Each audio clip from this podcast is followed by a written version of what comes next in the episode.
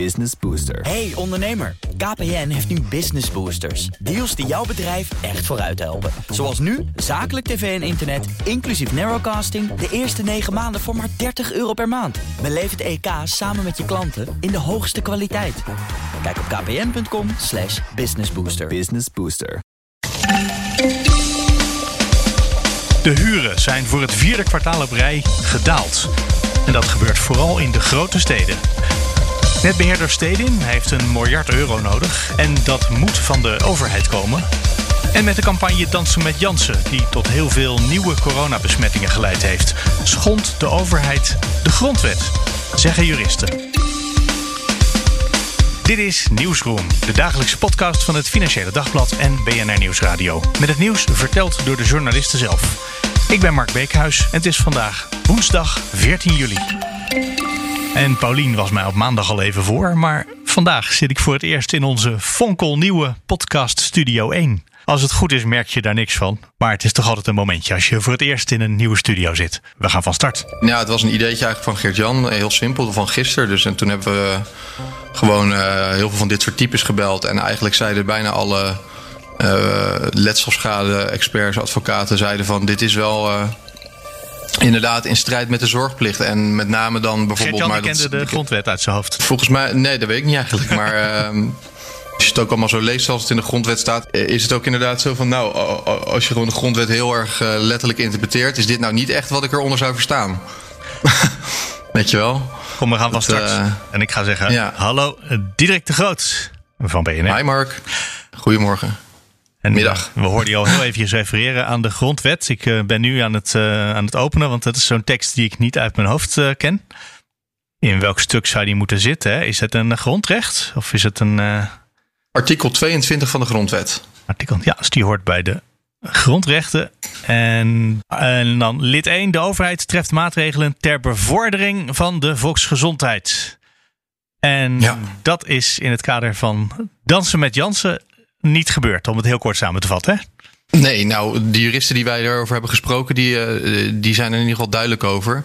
Dat de overheid daar zijn zorgplicht heeft verzaakt. Um, door dat dansen met Jansen. En dansen met Jansen, dat is natuurlijk nu een bekende slogan geworden, of berucht, hoe je het wil zeggen. Uh, die staat natuurlijk voor wat meer.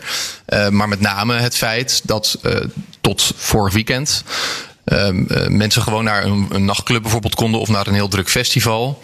Uh, op de dag dat ze een Janssen-prik hadden gehad. Het is natuurlijk bekend, je hoeft maar één prik te nemen van Janssen, te krijgen van Janssen. En dan ben je uh, volledig beschermd. Tenminste, na een week of twee.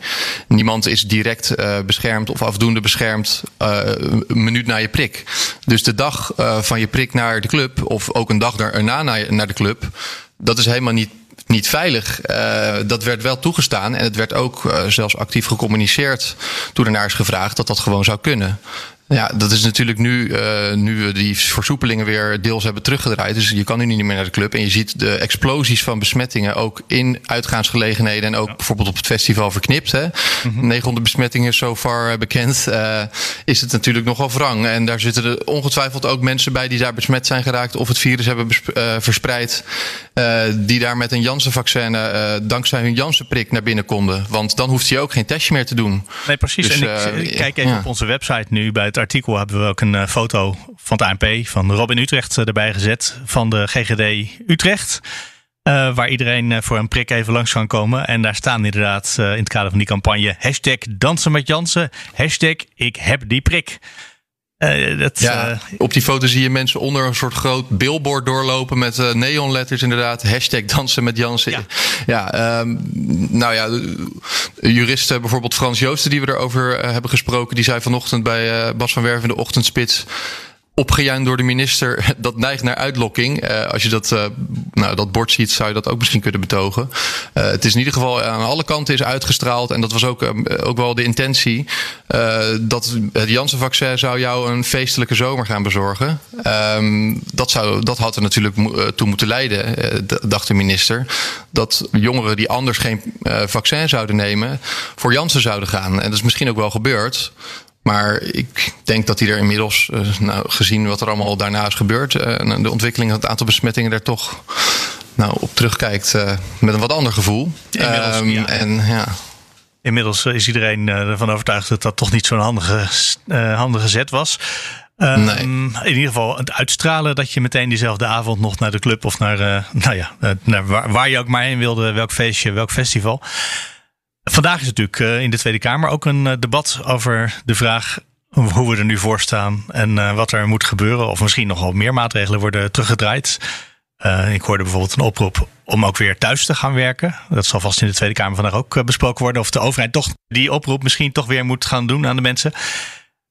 toch, het, ik voel nog niet meteen helemaal aan dat als nou de overheid zegt... haal een prik en daarna kan je gaan feesten. En dan moet je eigenlijk zelf weten natuurlijk... dat kan pas na twee weken. Maar inmiddels weet heel Nederland dat dat wel twee weken duurt. Uh, dat lepelen wij allemaal tegenwoordig uh, probleemloos op als je er gevraagd wordt. Uh, is dan de overheid echt degene die hier nou actief mensen tot ja, de ongezondheid, de gevaarlijke ziekte ingejaagd heeft? Is, mag je het echt zo hard zeggen? Ja, je mag het altijd zeggen. Alleen, nou, de, nou, de, vraag is sowieso, de vraag is sowieso of er echt concrete juridische gevolgen aan gekoppeld kan kunnen worden. Dus of je de minister uh, nou, voor het gerecht kan dagen en zeggen: Ik heb uh, de ziekte opgelopen. omdat u tegen mij zei: Je kan uh, direct naar je Janssen-prik gaan feesten. Dan is het maar zeer de vraag of je daar een schadevergoeding uitsleept. Maar wat je natuurlijk wel kan zeggen, eh, op basis van het artikel 22 van de grondwet, dat is een beetje ook een normatief artikel natuurlijk. Dus de overheid die moet daar gewoon zijn best voor doen. En in ieder geval ook de wetenschappelijke inzichten, zou je dan zeggen, volgen bij, het, uh, bij adviezen die te maken hebben met de gezondheid. En ook bij regels die te maken hebben met de gezondheid. Uh, als je bijvoorbeeld ook nou gewoon even kijkt naar hoe we het in de hele coronacrisis hebben gedaan. Dat was eigenlijk het. De adviezen waren vaak gewoon gebaseerd op de wetenschap, wat er op dat moment bekend was, op adviezen van wetenschap van het OMT. Eh, er zal geen enkele wetenschapper zijn geweest uh, op het moment dat dit werd gezegd of werd besloten dat het kon. Ja, je bent dan beschermd. Dus nee. waar baseer je dat dan op? Uh, dus dan maak je blijkbaar een afweging tussen. ik, ik, ik, ik denk maar even ja, dat meer mensen een vaccinatie nemen, dus voor de lange termijn. Maar dan kunnen ze wel op de korte termijn die ziekte oplopen. Ja, dat is natuurlijk een normatieve discussie. En ga maar eens bewijzen dat jij inderdaad niet het had kunnen weten. Of ga ook maar eens bewijzen trouwens, uh, dat is nog iets heel anders. Dat je de uh, ziekte in een club hebt opgelopen. Of dat je daarvoor al een minuut ervoor een besmetting hebt opgelopen. Dus dat nee, is allemaal nog niet zo lastig. Maar die clubs of uh, niet, zelf, nog niet zo makkelijk. Die maar. clubs die zelf, die eerst ineens open mochten. die zitten nu weer dicht. Dus die hebben wel echt gewoon ja. last van dit beleid. En ik kan me voorstellen dat zij wel gaan proberen met juristen hier wat mee te gaan doen. Ja, nee, dat is wat Frans Joosten ook zei. Van daar zitten, uh, daar, uh, die maken wat meer kans. Ja, ook daar is het wel de vraag hoor. Er is nogal wat bewijslast nodig, zeg maar. En je kan ook niet aan de hand van de grondwet, uh, volgens mij überhaupt, de, de overheid voor het gerecht slepen. Je moet natuurlijk gewoon van alles aantonen. En of je wel, wat voor schade je dan precies hebt geleden.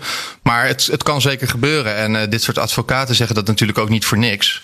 Dus die hebben er. Die, ik, ik interpreteer het maar even zo dat als Frans Joost een horeca-ondernemer bij zich krijgt of iemand anders die hier zegt schade van te hebben ondervonden, dat hij die zaak aanneemt. Ja. Um, en de meeste advocaten nemen geen zaken aan die volstrekt kansloos zijn. Tenzij het heel veel PR ja. oplevert. dan doen ze ja. nog wel een ding. Ja. Nou ja, maar het is natuurlijk sowieso, ook als je er niet mee naar de rechter wil. Het is gewoon heel fijn als de overheid zich aan de grondwet houdt. Ja. Daar begint het mee. En, en mensen um, in het land ook, maar de overheid toch op zijn minst. Kijk, om nog even terug te komen ook op wat je net zei: van ja, iedereen die kan het natuurlijk op internet opzoeken enzovoort. Maar aan de andere kant, het gaat hier ook gewoon om jongeren van 18 die uh, een jaar geen feest hebben gehad uh, of meer. Uh, die kunnen ineens weer naar de club. en dat kunnen ze dan met een vaccin dat ze op die dag zelf hebben gehaald. En al hun vrienden die gaan ook met een test. Ja. En, en dan kan jij in één keer mee. Ja, kan je dan als uh, overheid verwachten dat een, uh, een jongere, je kan het nog kinderen noemen, uh, denkt van nou, oh, er staat eigenlijk op internet dat het nog twee weken wacht is en dan ben ik pas volledig beschermd. Maar ja, aan de andere kant, als jongere ga ik er toch niet van ja. dood. En de minister heeft gewoon gezegd dat het mag en die QR-code die werkt en dat is verder allemaal in orde. Ja. ja, blijkbaar is het aantal besmettingen dan zo laag, kan je ook nog denken. En de, het risico is dus niet zo groot dat ik dat risico wel kan, kan nemen.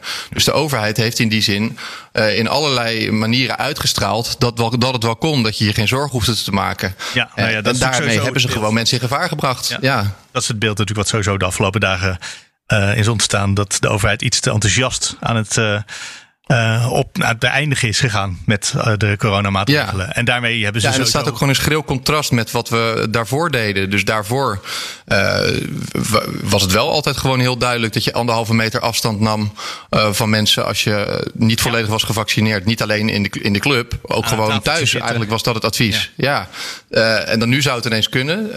terwijl de Delta-variant, die we ook toen al wisten dat die in opkomst was en dat die besmettelijker was dan de vorige varianten. Alles bij elkaar kan je gewoon zeggen dat het in ieder geval een hele, hele domme fout is geweest van de overheid en van die minister om dit toe te staan. En om het zo te communiceren, nou, al helemaal. En ik, ja. ik, vind het betoog dat het dus in strijd is met die zorgplicht, vind ik niet zo gek. We hebben het heel veel over dansen met Jansen gehad. En elke keer denk ik dan, er was toch altijd een dansen bij Jansen. Maar dat was er ook inderdaad. Uh, is dat, dat, zo? Ja, dat was uh, in Amsterdam. Uh, een discotheek in de Handboogstraat zie ik nu in een artikel van het Parool uit, wanneer is het? 2013, toen ze gesloten zijn. En dat is wel weer leuk. Oh. Dat artikel is geschreven door Elisa Hermanides, die nu onze chef is hier Collega. bij BNR, bij het programma Big Five. En Maarten van Dun. En dat is onze Australië-correspondent voor het Financieel Dagblad. Nou. Maar ook wel een beetje voor deze podcast hebben we er een of twee keer voorbij gejaagd. Met het tijdsverschil hoor je hem niet heel vaak. Zou, zou Hugo de Jonge ook hebben geweten dat die, uh, dat die club bestond? Ik denk dat hij daar de slogan vandaan heeft gehaald. Het, is een, uh, het was een begrip ooit, nou. dansen bij Jansen. Dirk ja. de Groot, dankjewel. Graag gedaan. Hallo, Nelke Trappenburg. Hallo, goedemorgen. Van het Financieel Dagblad. We gaan het hebben over de huurprijzen. Die in tegenstelling tot de koopprijzen, de koophuizen, die worden steeds duurder. De huurwoningen die gaan juist uh, voor steeds minder geld over de toonbank. Nou, die gaan dan niet over de toonbank natuurlijk. Hè? Uh, maar, maar, de prijzen gaan wel omlaag. Ja, dat, dat is uh, verrassend. Dat, dat, ja, dat is wel verrassend. Voor. Uh, omdat, juist omdat de koopmarkt zo oververhit is. De, het afgelopen kwartaal zijn de, de prijzen voor koopwoningen bijna 20% gestegen, bleek vorige week uit de cijfers van uh, makelaarsvereniging NVM. Ja, en dan op de vrije huursector, uh, in de vrije huursector dalen de prijzen. Gaat het hard? nu dus uit de, de cijfers van uh, Pararius. Ja, gaat dat hard? Gaat het heel hard omlaag? Nou, ze waren nu landelijk het afgelopen kwartaal met 2% gestegen, uh, gedaald. Maar in sommige steden, in Amsterdam, uh, uh, was het volgens mij alweer bijna 7%. Dus dat ja, is toch wel een daling. Ja, en, ja, die verspreking is ook veelzeggend. Hè? Dat je zegt, ze waren 2% gestegen. Dat is ook wat je verwacht te gaan zeggen. maar dat ja, is dus is altijd stijgen. Ja. ik moet er zelf ook nog een beetje aan wennen. Het is nu al het, het, wel het vierde kwartaal op rij dat het daalt. Um, Want die 2% is dat in een kwartaal of is dat op jaarbasis? Ja, dat is uh, uh, in het kwartaal vergeleken met het jaar daarvoor. Oh ja, ja. Um, dus, en volgens mij in het derde kwartaal vorig jaar, toen daalde voor het eerst in zes jaar dus de prijzen weer. landelijk, in de, in de grote steden was dat al iets eerder. Um, ja, dus dat is, daar voelen ze toch wel echt ja, de coronacrisis. Want uh, de oorzaak voor deze dalingen uh, is volgens uh, de experts wel heel erg dat expats wegbleven.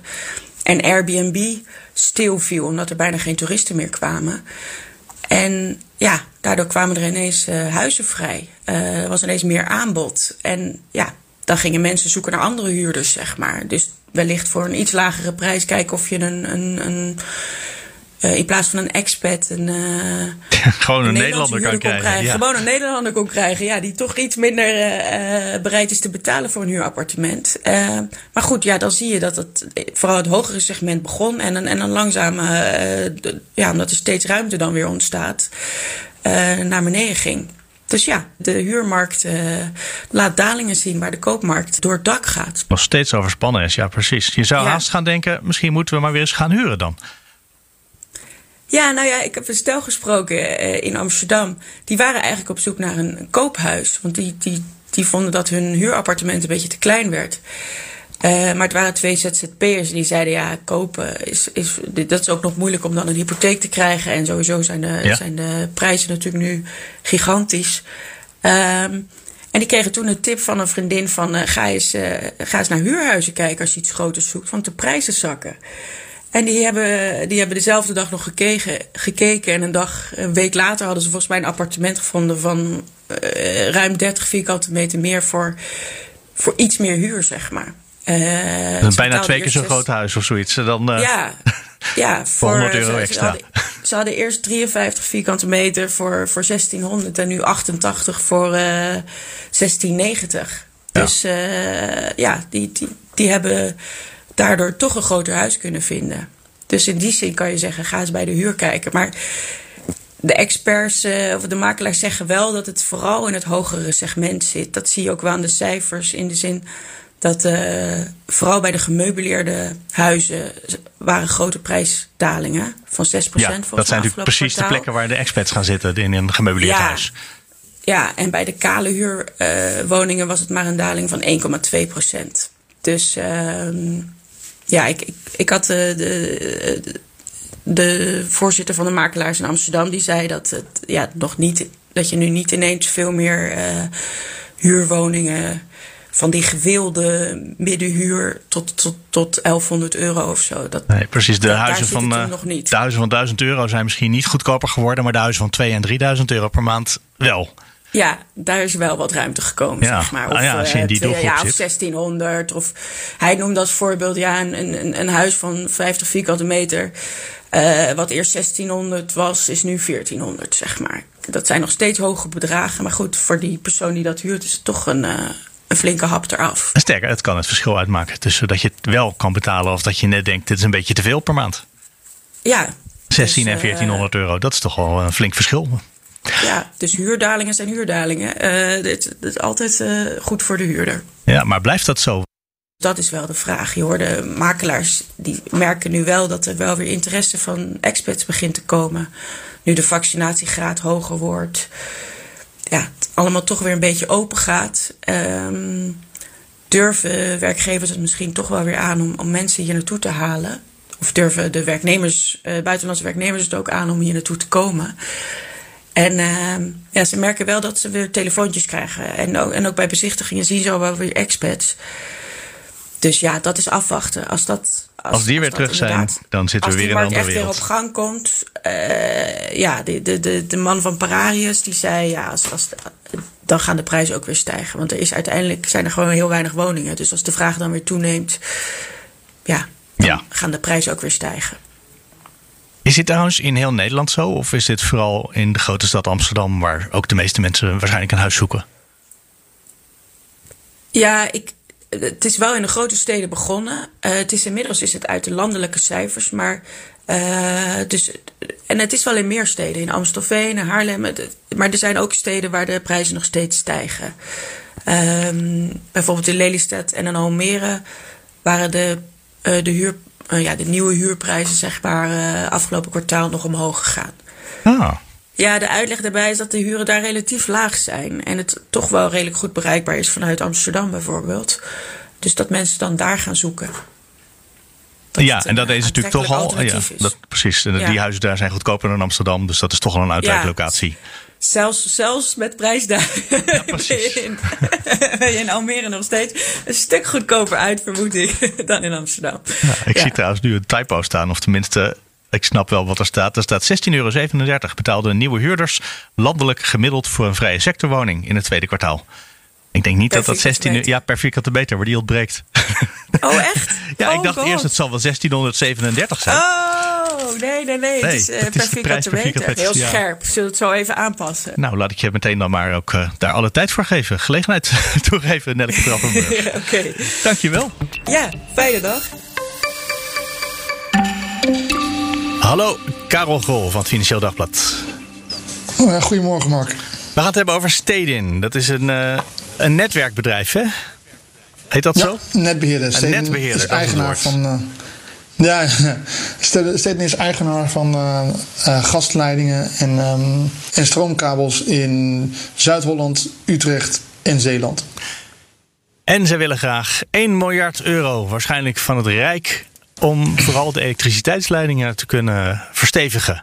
Te verzwaren. Uh, nou, dat is best een flink bedrag wat ze bedacht hebben dat ze, waar ze recht op hebben. Of wat ze nodig hebben. Ja, dat hebben ze nodig. Ze, hebben, ze uh, moeten de komende. Ze hebben uitgerekend dat ze tot uh, 2030 moeten, ze, hebben ze 7 miljard nodig om uh, gewoon het, het netwerk te verzwaren. Ik bedoel, de elektrificatie moet doorgaan, dus mensen moeten uh, van het gas af. Nieuwe woningen worden gasloos gebouwd. Mensen gaan Tesla's rijden. Er komen steeds meer elektrische apparaten.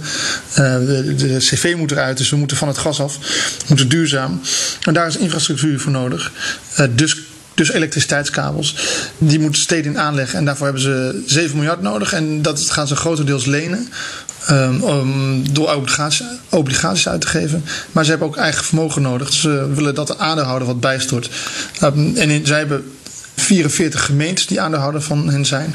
Maar ze zeggen ja, maar die 44 gemeentes. Daar komen we zeker niet aan dat bedrag. Althans, dat vermoeden ze van niet. Dat gaat hun draagkracht van die gemeentes te boven. Dus ze zoeken eigenlijk een alternatief. Ja, dan is niet zoveel mogelijkheid. Want netbeheerder is van een, uh, is van de over, van een lagere overheid, de gemeentes, provincies. En ze zeggen, nou ja, dan moet het Rijk maar, bij, maar instappen. Wat gaan ze precies doen met, die, uh, met dat miljard? Je zei 7 miljard. Is dat puur voor de uitrol van kabels en om die in, ja. de, grond te graven? Um, ja, dat is gewoon de, het, het net verzwaren heet dat. En ik dacht ook dat dat, het valt allemaal wel mee, maar uh, hoe moeilijk moet het zijn? Dat denkt, dacht ik als leek toen ik hier voor het eerst over schreef. Hoe, moet het zijn, een kabel, hoe moeilijk moet het zijn, een kabel in de grond? Maar dat, dat, is, dat zijn grote infrastructurele projecten. Zij vergelijken het zelf altijd met aanleggen van snelwegen. Want je moet de grond in en uh, je hebt die transformatorhuisjes. Dat zijn, zijn enorme, die zijn enorme gevaartes. En alle straten moeten open. Uh, het, is gewoon heel veel, het kost gewoon heel veel geld als het. Als, uh, uh, steden als die, bedoel, als een stad als Rotterdam of Utrecht, als, die, als daar het elektriciteitsnet verzwaard van wordt, uh, ja, dat, dat vecht kilometers aan, tientallen kilometers, honderd kilometers aan, aan leidingen die overal moeten neergelegd worden en zo. Dus het is gewoon een, uh, ja, het verzwaren van elektriciteitsnetten is een miljardenoperatie die heel lang duurt. Waarom moet het Rijk dat betalen? Want je zei al, de gemeente en een paar provincies zijn aandeelhouder van het bedrijf. Dus dan zou je denken, ja, die kunnen toch gewoon dat wel even ophoesten, want dit is hun bedrijf. Ja, klopt. Nou, dit zijn, zijn geen provincies overigens, maar alleen 44 gemeenten. Um, de gemeenten willen niet allemaal. En dat heeft ook weer te maken met de verdeelsleutel. Want er zijn ook gemeenten die wel diensten afnemen van steding.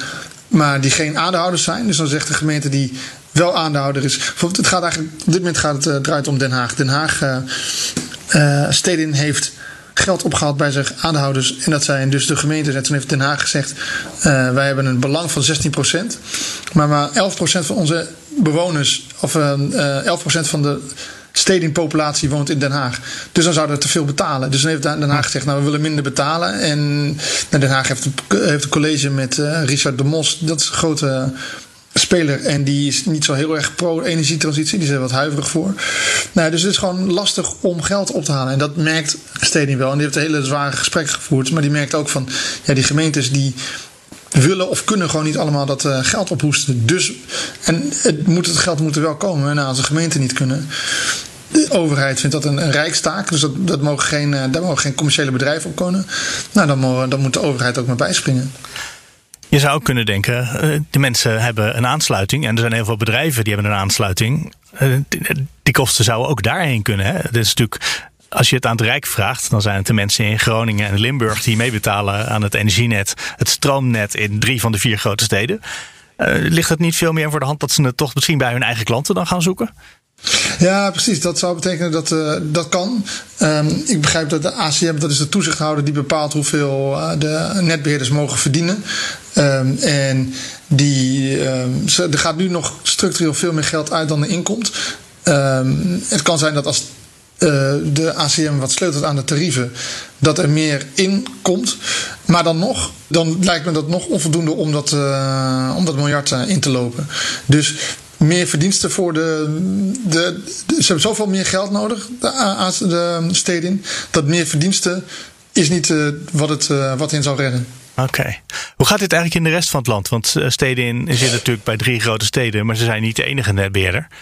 Nee, de andere netbeheerders die zijn in handen voornamelijk van provincies. En die zitten toch wat ruimer in hun jasje.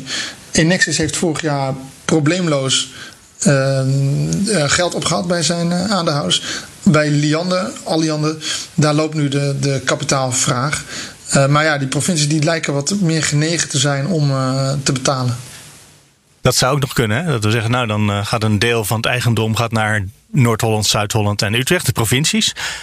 En dat die dan in ruil daarvoor ook een flink bedrag gaan bijdragen. Zoals dat in de nou, rest van het land ook eh, gebeurt. Ja, dat is ook een van de, de steden. praat ook met de provincies die in hun verzorgingsgebied liggen. Dus dat zou inderdaad kunnen hoor. Dat uh, Zuid-Holland uh, of, of Zeeland of Utrecht instapt. Ja. Wie weet. Maar in eerste instantie kijken ze nu toch ook naar het Rijk. En dat was het zinnetje waar ik ook op aanhaakte toen ik vanmorgen de krant opensloeg. De energietransitie is niet meer vrijblijvend. Ook niet voor het Rijk. En dat is een interessante, want tot nu toe is het wel het Rijk wat steeds tegen de rest van het land zegt: jullie moeten aan de slag. Ja, maar het Rijk krijgt ook wel op zijn uh, falie van de rechter met het agendafonds, et cetera. Dus, uh, en het Rijk is ook wel, uh, stelt allemaal doelen. Um, en uiteindelijk kun je het, allemaal, kun je het hele land wel volzetten met uh, windparken en, en, en zonneweiden, om het even populair te zeggen. Maar als je stroom niet kan afvoeren, dan heb je er niks aan.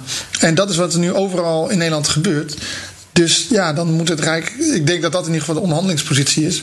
Dan moet het Rijk daar ook uh, uh, financieel in bijspringen.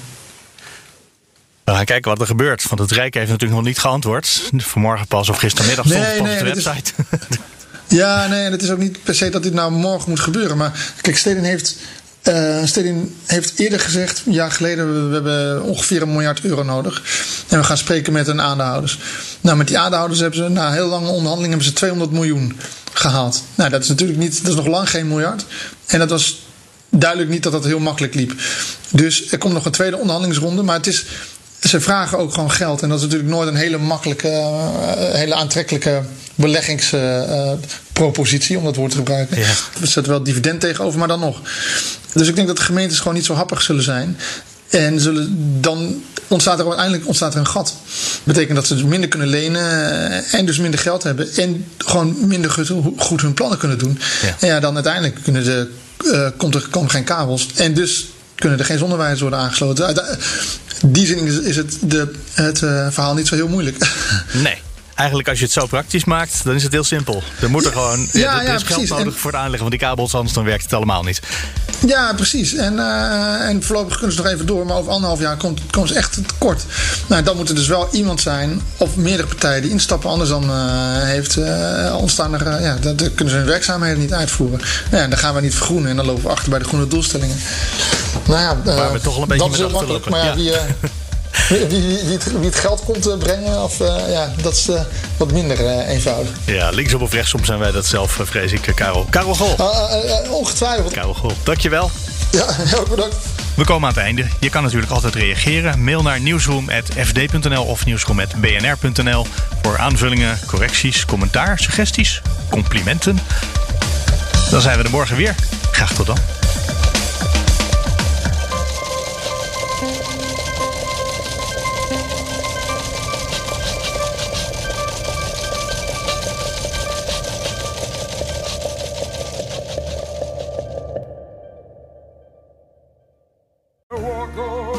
Hardlopen, dat is goed voor je. En Nationale Nederlanden helpt je daar graag bij. Bijvoorbeeld met onze digitale NN Running Coach... die antwoord geeft op al je hardloopvragen. Dus, kom ook in beweging. Onze support heb je. Kijk op nn.nl slash hardlopen.